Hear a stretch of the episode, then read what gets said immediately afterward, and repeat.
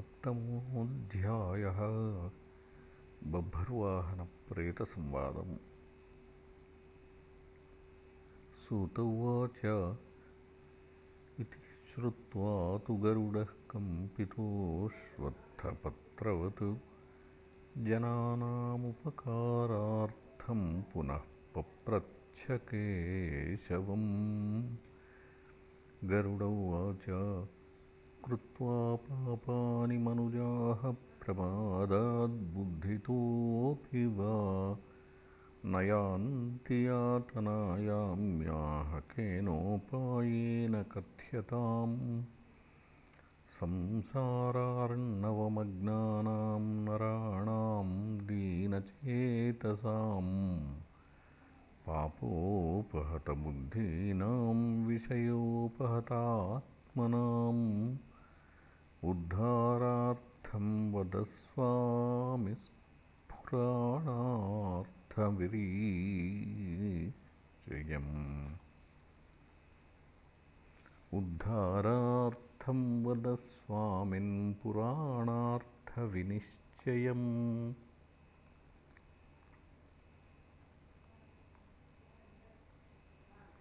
उपायं येन मनुजा सद्गतिं यान्ति।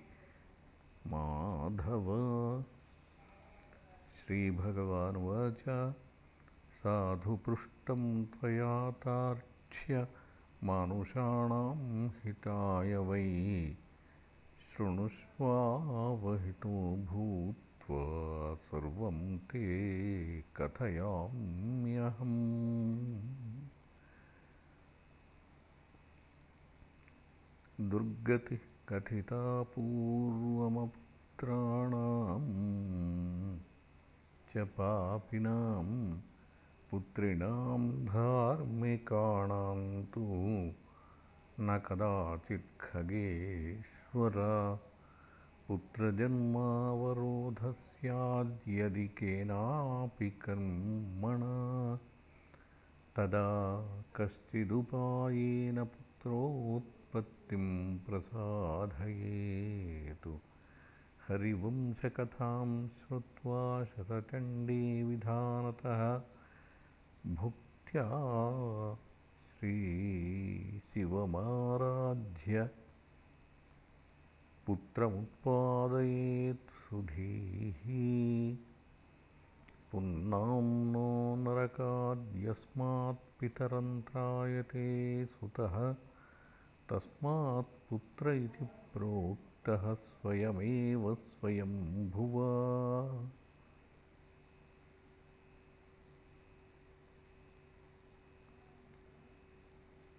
तस्मात्पुत्र इति प्रोक्तः स्वयमेव स्वयम्भुना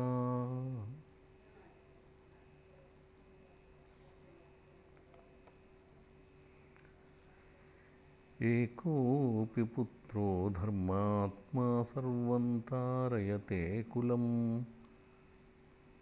पुत्रेण लोकाञ्जयति श्रुतिरेषा सनातनी इति वेदैरपि प्रोक्तं पुत्रमाहात्म्यमुत्तमम्।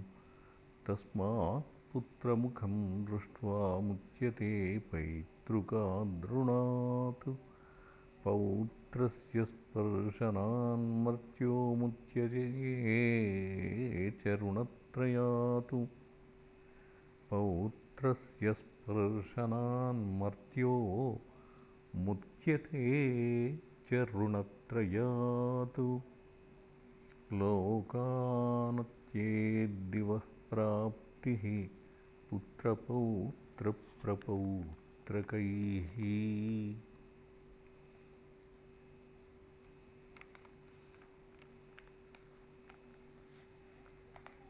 ब्राह्म्योढापुत्रोन्नयति सङ्गृहेतस्त्वधो नयेतु एवं ज्ञात्वा खगश्रेष्ठहीनजातिसुतांस्त्यजेतु सवर्णेभ्यः सवर्णासु ये पुत्रा औरसाः खगा त एव श्राद्धदानेन पितॄणां स्वर्गहेतवः। श्राद्धेन पुत्रदत्तेन स्वर्यातीति किमुच्यते। प्रेतोऽपि परदत्तेन गतः स्वर्गं मया शृणु। अत्र एवोदाहरिष्येऽहमितिहासं पुरातनम् और्ध्वदैहिकदानस्य परं माहात्म्यसूचकम् पुरा त्रेतायुगेतार्क्ष्य राजासीद्बभ्रुवाहनः महोदये पुरे रम्ये धर्मनिष्ठो महाबलः।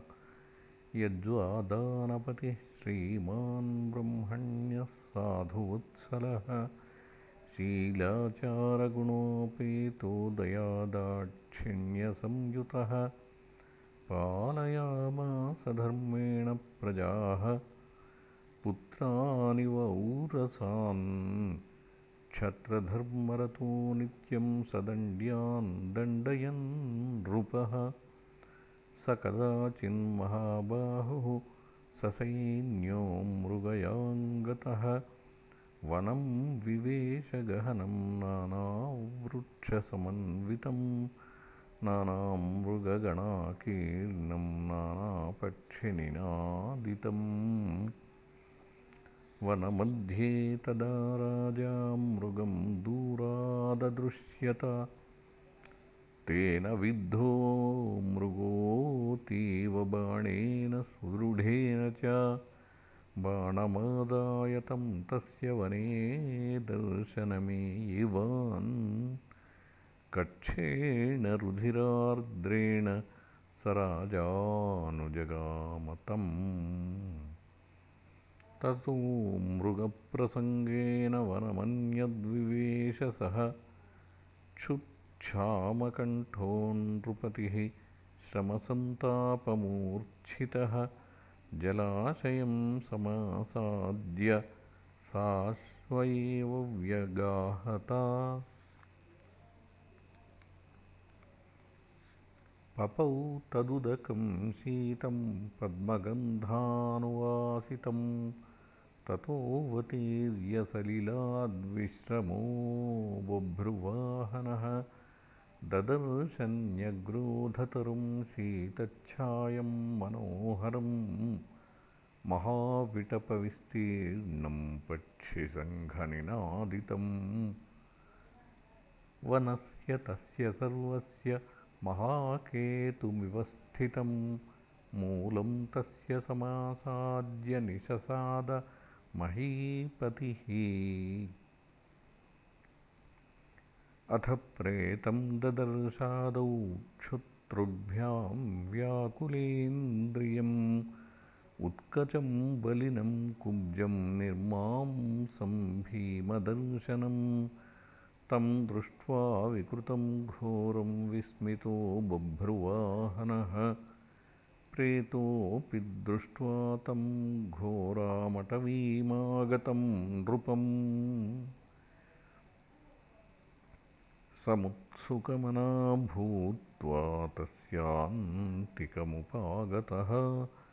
अब्रवीच्च तदातार्क्ष्य प्रेतराजो नृपं वचः प्रेतभावो मया त्यक्तः प्राप्तोऽस्मि परमां गतिम्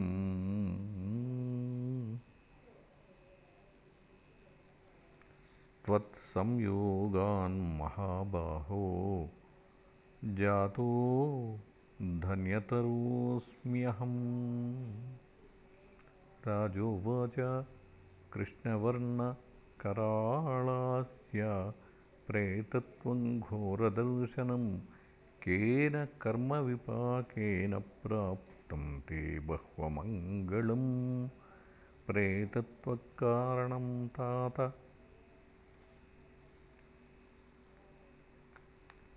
प्रेतत्वकारणं तात ब्रूहि सर्वमशेषतः। कोऽसि त्वं केन दानेन प्रेतत्वं ते विनश्यति। प्रेत उवाच कथयामि नृपश्रेष्ठ सर्वमेवादितस्तव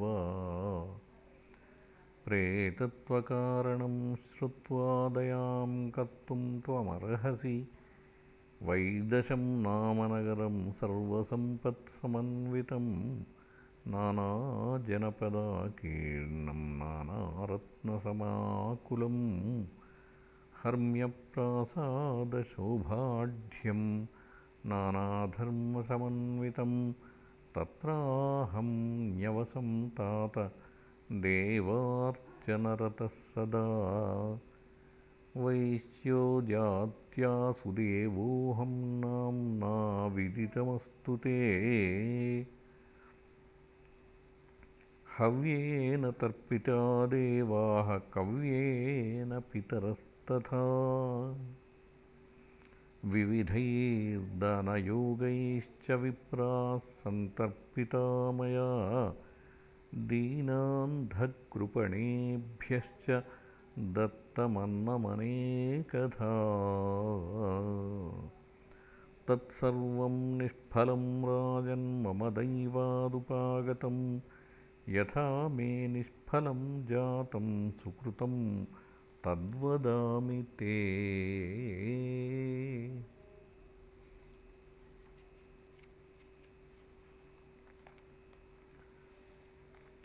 मम वै सन्ततिर्नास्ति न सुहृन्न च बान्धवः न च मित्रं हि मे तादृग् यः कुर्यादौर्ध्वदैहिकं यस्य न स्यान्महाराज श्राद्धं मासिकषोडशं प्रेतत्वं सुस्थिरं तस्य दत्तैः श्राद्धशतैरपि त्वमौध्वदैहिकं कृत्वा मामुद्धरमहीपते वर्णानां चैव सर्वेषां राजा बन्धुरिहोच्यते। तन्मां तारय राजेन्द्रमणिरत्नं ददामि ते। यथा मे सद्गतिर्भूयात् प्रेतयोनिश्च गच्छति तथा कार्यं त्वया वीर मम चेदिच्छसि प्रियं। क्षुधातृषादिभिर्दुःखैः प्रेतत्वं दुःसहं मम। स्वादूदकं फलं चास्ति वनेऽस्मिन् शीतलं शिवं। न प्राप्नोमि न प्राप् नोमिक्षुधार्तोऽहं तृषार्तो न जलं क्वचित्। यदि मे हि भवेद्राजन्विधिन्नारायणो महान् तदग्रे वेदमन्त्रैश्चक्रिया सर्वौर्ध्वदैहिकी तदा नश्यति मे नूनं प्रेतत्वं नात्र संशयः। वेदमन्त्रास्तपोदानं दया सर्वत्र जन्तुषु। सच्छास्त्रश्रवणं विष्णोः। पूजा सज्जनसङ्गतिः। प्रेतयोनिविनाशाय भवन्तीति मया श्रुतम् अतो वक्ष्यामि ते विष्णुपूजां प्रेतत्वनाशिनीम् सुवर्णद्वयमानीय सुवर्णं न्यायसञ्चितं तस्य नारायणस्यैकां प्रतिमां भूपकल्पयेत्।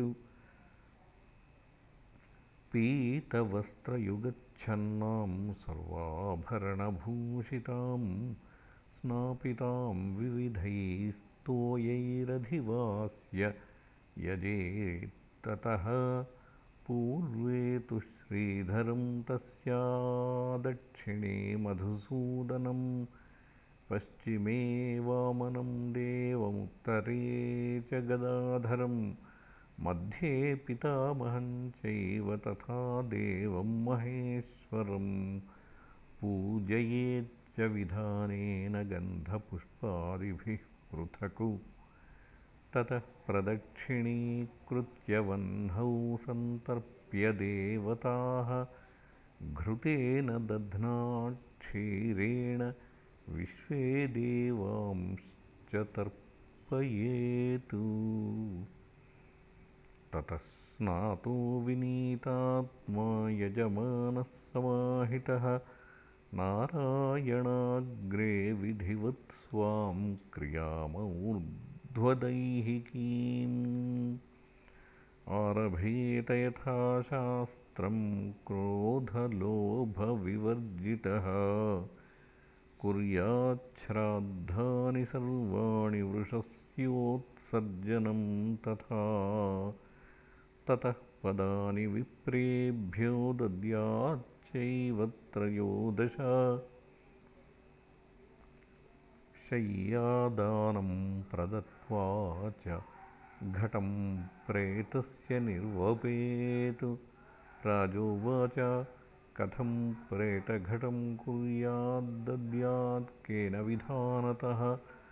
ब्रूहि सर्वानुकम्पार्थं घटं प्रेतविमुक्तिदम्। प्रेत उवाच साधु पृष्टं महाराज कथयामि निबोधते। प्रेतत्वं न भवेद्येन दानेन सुदृढेन च दानं प्रेतघटं नाम सर्वाशुभविनाशनं। दुर्लभं सर्वलोकानां दुर्गतिक्षयकारकं सन्तप्तहाटकमयं तु घटं विधाय ब्रह्मेशकेशवयुतं सह लोकपालैः क्षीराद्यपूर्णविवरं प्रणिपत्य भक्त्या विप्राय देहि तव दानशतैः किमन्यैः ब्रह्मा मध्ये तथा व्ययः। प्राच्यादिषु च तत्कण्ठे लोकपालान् क्रमेण तु सम्पूज्य विधिवद्राजन्धूपैः कुसुमचन्दनैः ततो दुग्धाद्यसहितं घटं देयं हिरण्मयं सर्वदानाधिकं चैतन्महापातकनाशनं कर्तव्यं श्रद्धया राजन्प्रेतत्वविनिवृत्तये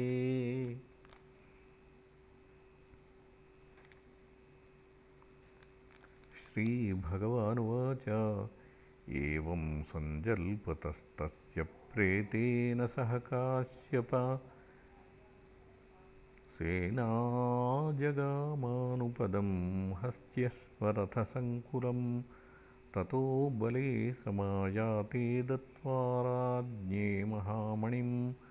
नमस्कृत्य पुनः प्रार्थ्य प्रेतो दर्शनमेयवान् तस्माद्वनाद्विनिष्क्रम्य राजापि स्वपुरं ययौ स्वपुरं च समासाद्य तत्सर्वं प्रेतभाषितं चकारविधिवत्पक्षिन्नौर्ध्वदैहिकजं विधिं तस्य पुण्यप्रदानेन प्रेतो मुक्तो दिवं ययौ।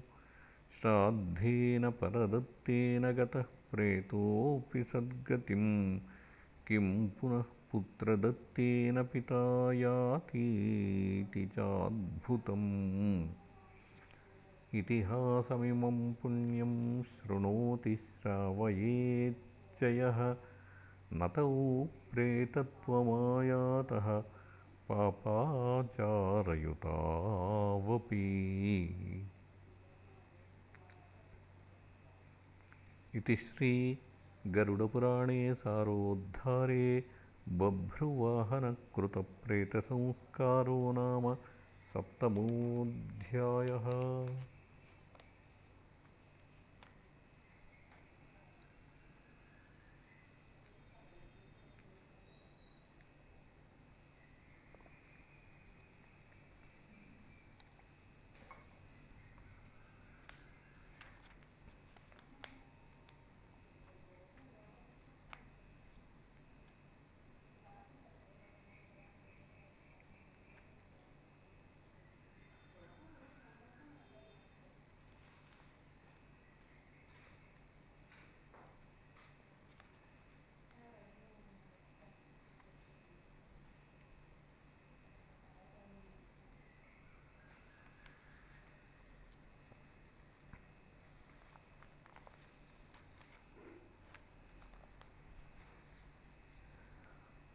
अष्टमोऽध्यायः। गरुड उवाच आमुष्मिकीं क्रियां सर्वां वद सुकृतिनां मम कर्तव्या सा यथा पुत्रैस्तथा च कथय प्रभो श्रीभगवानुवाच साधु पृष्टं त्वया तार्क्ष्यमानुषाणां हिताय वै धार्मिकार्हं च यत्कृत्यं तत्सर्वं कथयामि ते सुकृतीवार्धके दृष्ट्वा शरीरं व्याधिसंयुतं प्रतिकूलान् ग्रहांश्चैव प्राणघोषस्य चाश्रुतिम्। तदा स्वमरणं ज्ञात्वा निर्भयस्यादतन्द्रितः अज्ञातज्ञातपापानां प्रायश्चित्तं समाचरेत्। यदा स्यादातुरः कालस्तदा स्नानं समाचरेत्। पूजनं कारयेद्विष्णोः सालग्रामस्वरूपिणः। अर्चयेदन्धपुष्पैश्च कुङ्कुमैस्तुलसीदलैः धूपैर्दीपैश्च नैवेद्यैर्बहुभिर्मोदकादिभिः दत्त्वा च दक्षिणां विप्रान्नैवेद्यादपि भोजयेत्। अष्टाक्षरं जपेन्मन्त्रं द्वादशाक्षरमेव च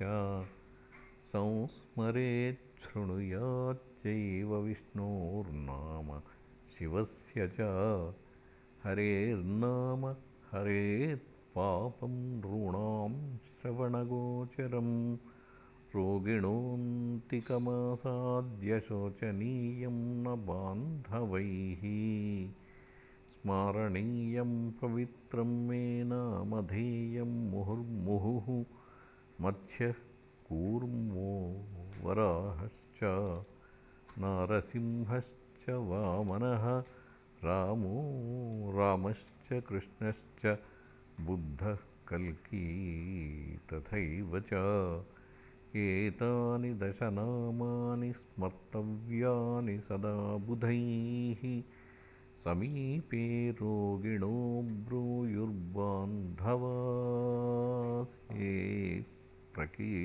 प्रकीर्तिताः समीपे रोगिणो ब्रूयुर्बान्धवास्ते प्रकीर्तिताः।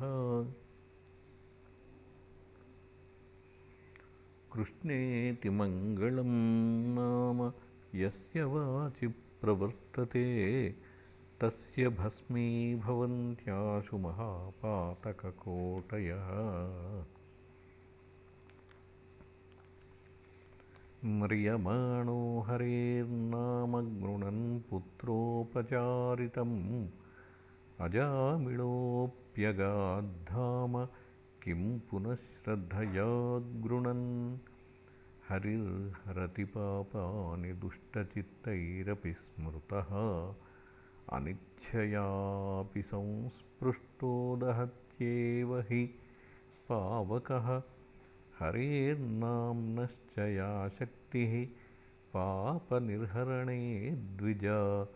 तावत्कर्तुं समर्थो न पातकं पातकी जनः किङ्करेभ्यो यमः प्राह। नयध्वं नास्तिकं जनं नैवानयत भो दूता। हरिनामस्मरन्नरन्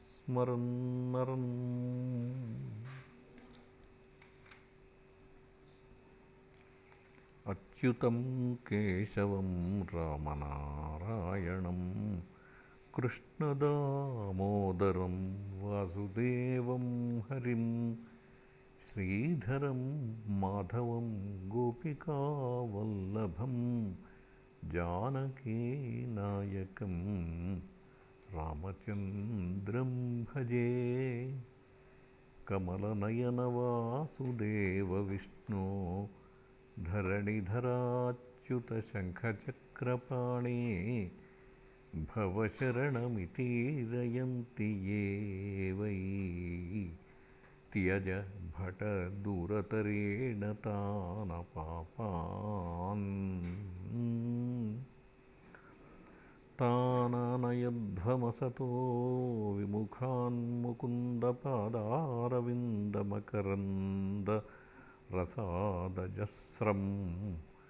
निष्किञ्चनैः परमहंसकुलैरसज्ञैर्दुष्टान् गृहे निरयवर्त्मनि बद्धतुष्टान् जिह्वा न वक्ति भगवद्गुणनामधेयम् चेतश्च न स्मरति तच्चरणारविन्दम्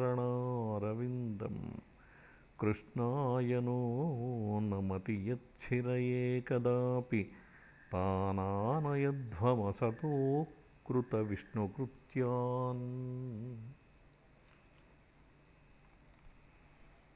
तस्मात् सङ्कीर्तनं विष्णोर्जगन्मङ्गलमंहसां महतामपि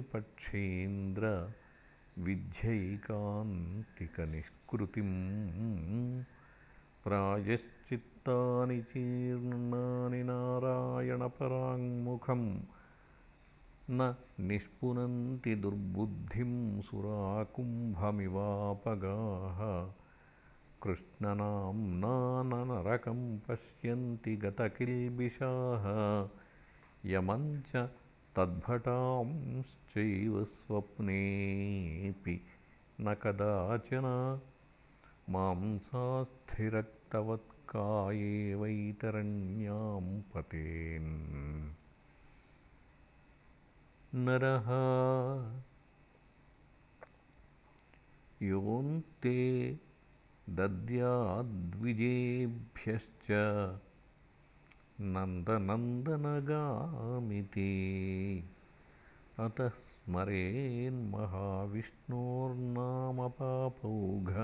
स्मरेन्महाविष्णोर्नामपापौघनाशनं गीतासहस्रनामानि पठेद्वा शृणुयादपि एकादशीव्रतं गीता गङ्गाम्बु तुलसीदलं विष्णोः पादाम्बुनामानि मरणे मुक्तिदानि च ततः सङ्कल्पयेदन्नं सघृतं सकाञ्चनम् ततः सङ्कल्पयेदन्नं सघृतं च सकाञ्चनम् सवत्साधेनवो देयाश्रोत्रियाय द्विजातये अन्ते जनो यद्ददाति स्वल्पं वा यदि वा बहु तदक्षयं भवेत्तार्क्ष्य यत्पुत्रश्चानुमोदते। अन्तकाले तु सत्पुत्रः सर्वदानानि दापयेतु एतदर्थं सुतो लोके प्रार्थ्यते धर्मकोविदैः भूमिस्थं पितरं दृष्ट्वा ह्यर्धोन्मीलितलोचनं पुत्रैस्तृष्णा न कर्तव्या तद्धने पूर्वसञ्चिते।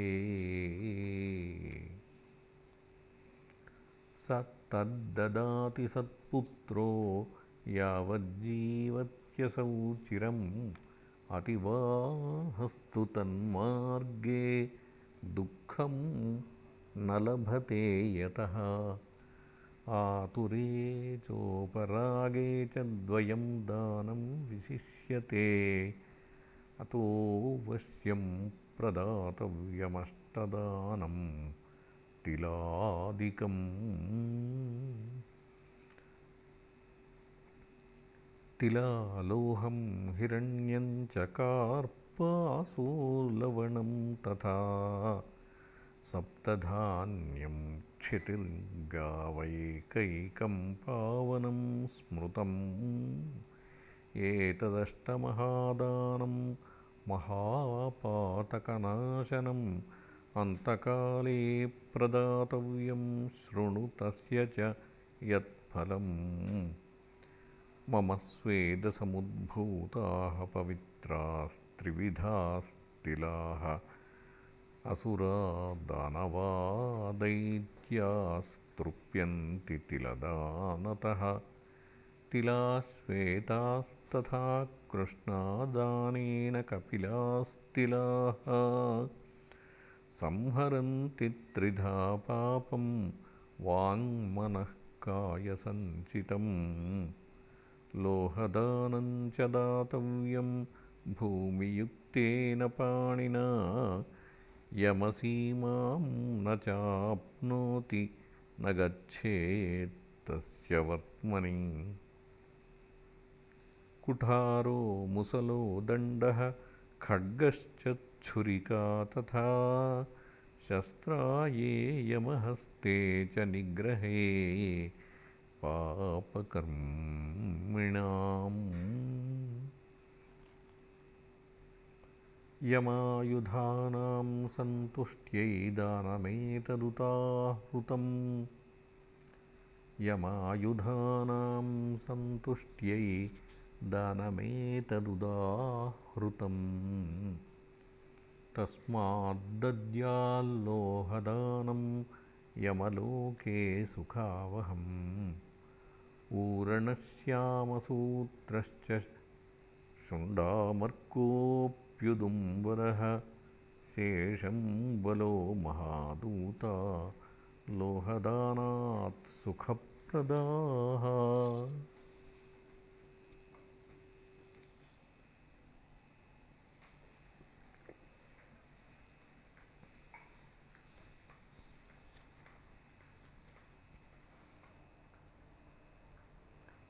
शृणुतार्क्ष्यपरङ्गुह्यं दानानां दानमुत्तमं।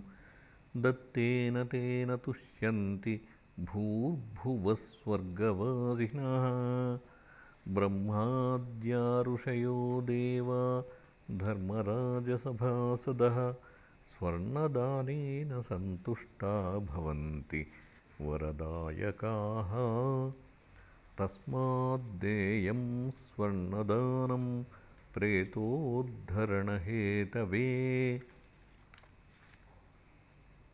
न याति यमलोकं स स्वर्गतिं तात गच्छति।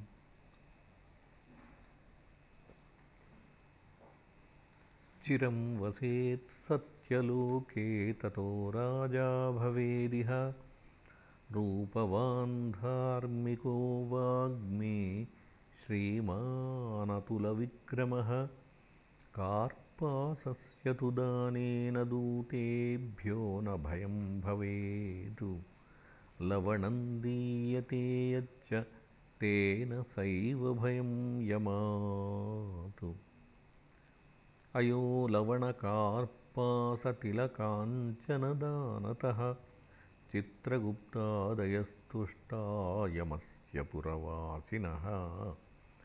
सप्तधान्यप्रदानेन प्रीतो धर्मध्वजो भवेत्। तुष्टा भवन्ति येऽन्येऽपि त्रिषु द्वारेषु अधिष्ठिताः। व्रीहयो यवगोधूमामुद्गामाशाः प्रियङ्गवः चणकाः सप्तमाज्ञेयाः सप्तधान्यम् उदाहृतम्।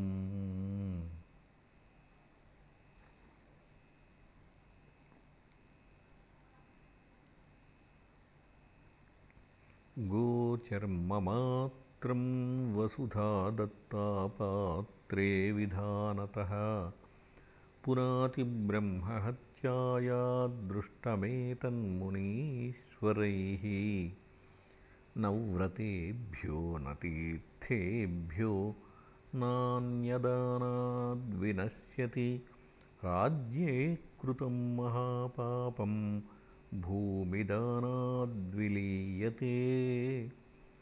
पृथिवीं सस्यसम्पूर्णां यो ददाति ददाति सप्रयातीन्द्रभवनं पूज्यमानः सुरासुरैः अत्यल्पफलदानि स्युरन्यदानानि काश्यप पृथिवीदानजं पुण्यमहन्यः निवर्धते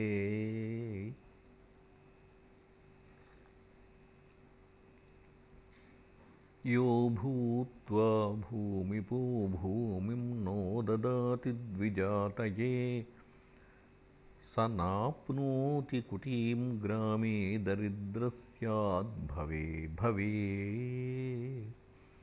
अदानाद्भूमिदानस्य भूपतित्वाभिमानतः निवसेन्नरके यावच्छेषो धारयते धराम्।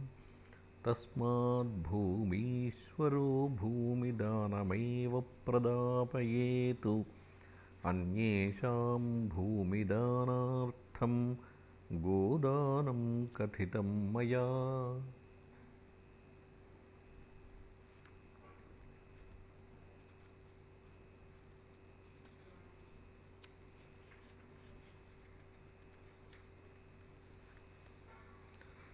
ततोऽन्तधेनुर्दातव्या रुद्रधेनुं प्रदापयेतु ततोऽन्तधेनुर्दातव्या रुद्रधेनुं प्रदापयेतु। ऋणधेनुं ततो दत्त्वा मोक्षधेनुं प्रदापयेतु। दद्याद्वैतरणीधेनुं विशेषविधिना खगा तारयन्ति नरं गावस्त्रिविधाश्चैव पातकात्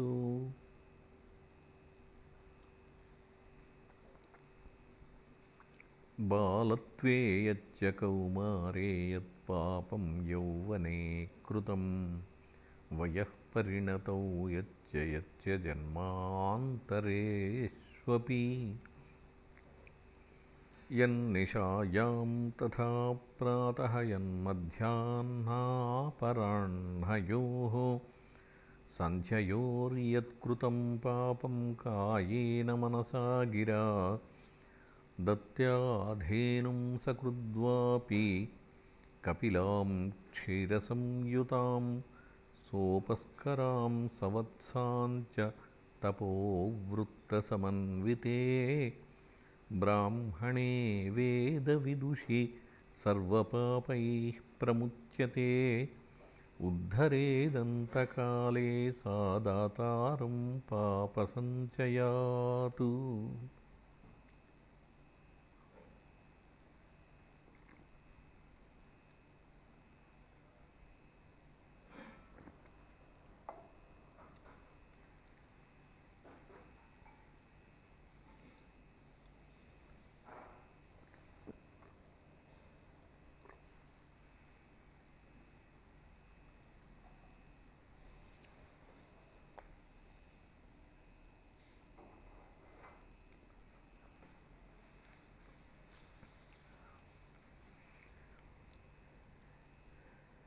एकागौ स्वस्थचित्तस्य ह्यातुरस्य च गोशतं सहस्रं म्रियमाणस्य दत्तं चित्तविवर्जितम्।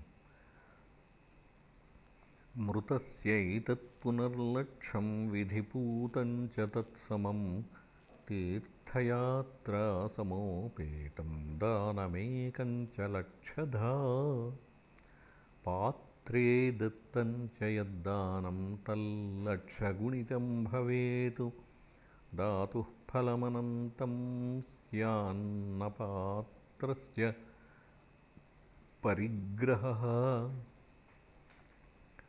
स्वाध्यायहोमसंयुक्तः परपाकविवर्जितः रत्नपूर्णामपि महीं प्रतिगृह्य न लिप्यते। विषसीतावहौ मन्त्रवह्ने किं दोषभागिनौ? अपात्रे सा च गौर्दत्ता दातारं नरकं नयेत्। कुलैकशतसंयुक्तं ग्रहीतारन्तु पातयेतु नापात्रे विदुषा देया आत्मनः श्रेय इच्छता। एका ह्येकस्य दातव्या बहूनां न कदाचन। सा विक्रीता विभक्ता वा दहत्यासप्तमं कुलम् कथिताया मया पूर्वं तव वैतरणीनदी तस्या उद्धरणोपायं गोदानं कथयामि ते। कृष्णां वा पाटलां वापि धेनुं कुर्यादलङ्कृतां स्वर्णशृङ्गीं रौप्यखुरां कांस्यपात्रोपदोहिनीम् कृष्णवत्स्त्रयुगच्छन्नां कण्ठघण्टासमन्वितां कार्पासोपरि संस्थाप्य ताम्रपात्रं सचैलकम्। यमं हैमं न्यसेत्तत्र लोहदण्डसमन्वितं कांस्यपात्रे कृत्वा सर्वं तस्योपरि न्यसेतु। नावमिक्षुमयीं कृत्वा पट्टसूत्रेण वेष्टयेतु। गर्तं निधाय सजलं कृत्वा तस्मिन् क्षिपेत्तरिम्। तस्योपरि स्थितां कृत्वा सूर्यदेहसमुद्भवां धेनुं सङ्कल्पयेत्तत्र यथा शास्त्रविधानतः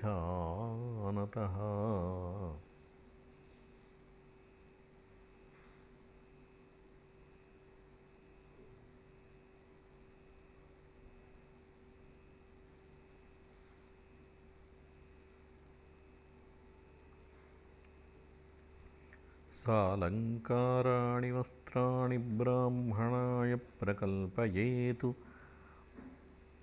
पूजां कुर्याद्विधानेन गन्धपुष्पाक्षतादिभिः पुच्छं सङ्गृह्य धेनोस्तु नवमाश्रित्य पादतः।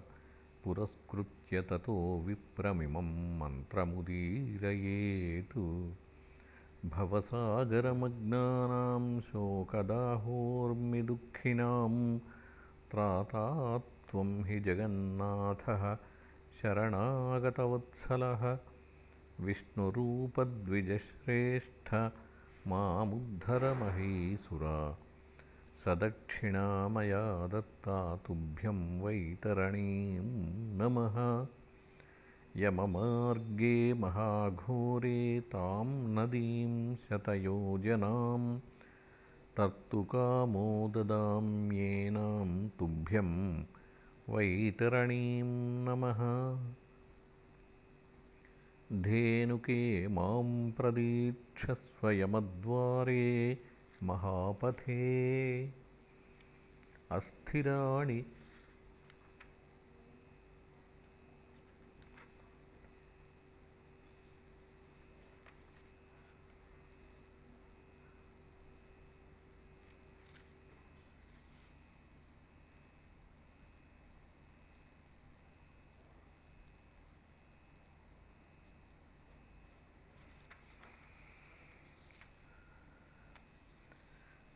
उत्तारणार्थं देवेशि वैतरण्यै नमोऽस्तु ते। गावो मे ह्यग्रतः सन्तु गावो मे सन्तु पृष्ठतः गावो मे हृदये सन्तु गवां मध्ये वसाम्यहम् या लक्ष्मीः सर्वभूतानां या च देवे प्रतिष्ठिता धेनुरूपेण सा देवी मम पापं व्यपोहतु इति मन्त्रैश्च सम्प्रार्थ्य साञ्जलिर्धेनुकां यमम्। सर्वं प्रदक्षिणीकृत्य ब्राह्मणाय निवेदयेतु। एवं दद्याद्विधानेन योगां वैतरणीं खग स याति धर्ममार्गेण धर्मराजसभान्तरे। स्वस्थावस्थशरीरे तु वैतरण्याव्रतञ्चरेतु देया च विदुषाधेनुस्तां नदीं तर्तुमिच्छता। सा नायाति महामार्गे गोदानेन नदी खग तस्मादवश्यं दातव्यं पुण्यकालेषु सर्वदा। गङ्गादिसर्वतीर्थेषु ब्राह्मणावसथेषु च चन्द्रसूर्योपरागेषु सङ्क्रान्तौ दर्शवासरे।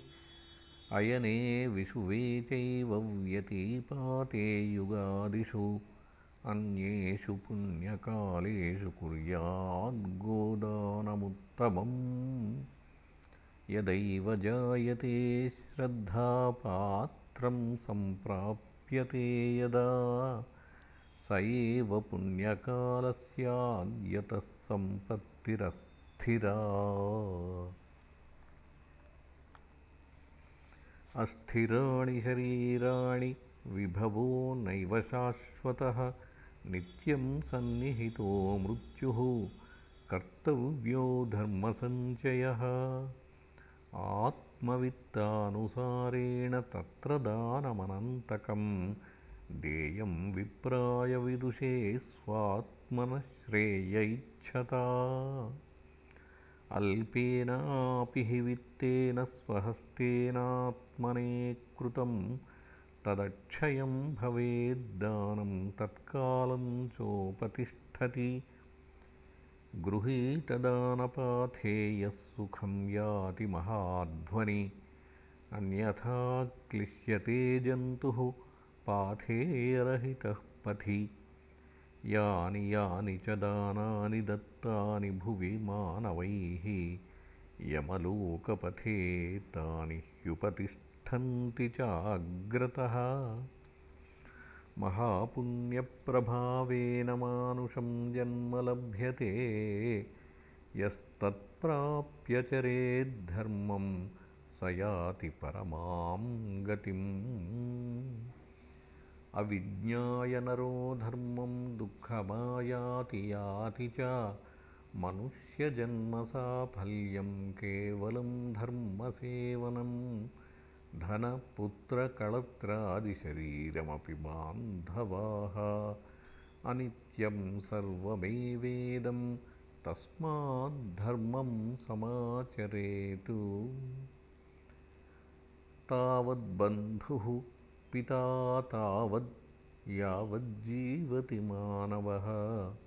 मृतानामन्तरं ज्ञात्वा क्षणात् स्नेहो निवर्तते आत्मैव ह्यात्मनो बन्धुरिति विद्यान्मुहुर्मुहुः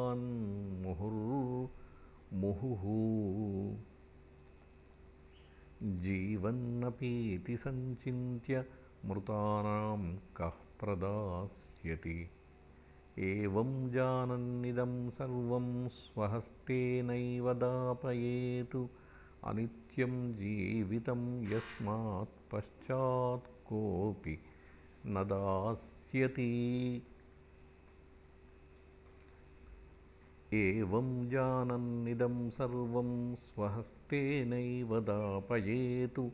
अनित्यं जीवितं यस्मात् पश्चात् कोऽपि न दास्यति मृतं शरीरमुत्सृज्य काष्ठलोहसमं क्षितौ।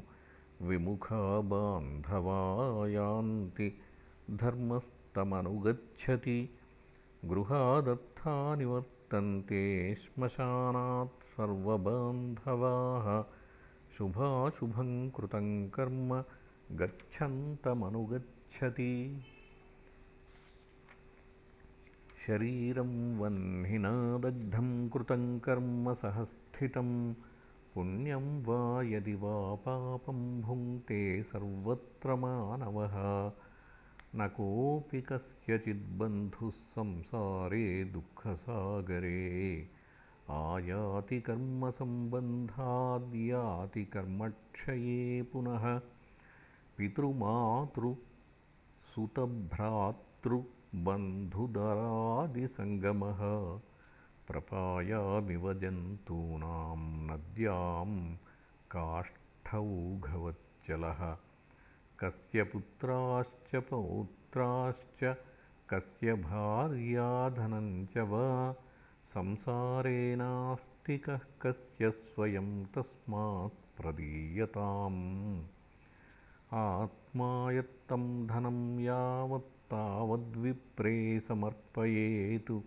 पराधीने धने जाते न किञ्चिद्वक्तुमुत्सहेतु पूर्वजन्मकृताद्दानादत्र लब्धं धनं बहु तस्मादेवं परिज्ञाय धर्मार्थं दीयतां धनं धर्मात् सञ्जायतेऽर्थश्च धर्मात् कामोऽभिजायते धर्म एवापवर्गाय तस्माद्धर्मं समाचरेतु श्रद्धया धार्यते धर्मो बहुभिर्नार्थराशिभिः निष्किञ्चना हि मुनयः श्रद्धावन्तो दिवङ्गताः।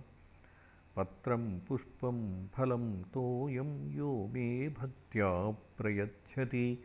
तदहं भक्त्युपहृतमश्नामि प्रयतात्मनः तस्मादवश्यं दातव्यं तदा दानं विधानतः। अल्पं वा बहुवेतीमां गणनां नैव कारयेतु।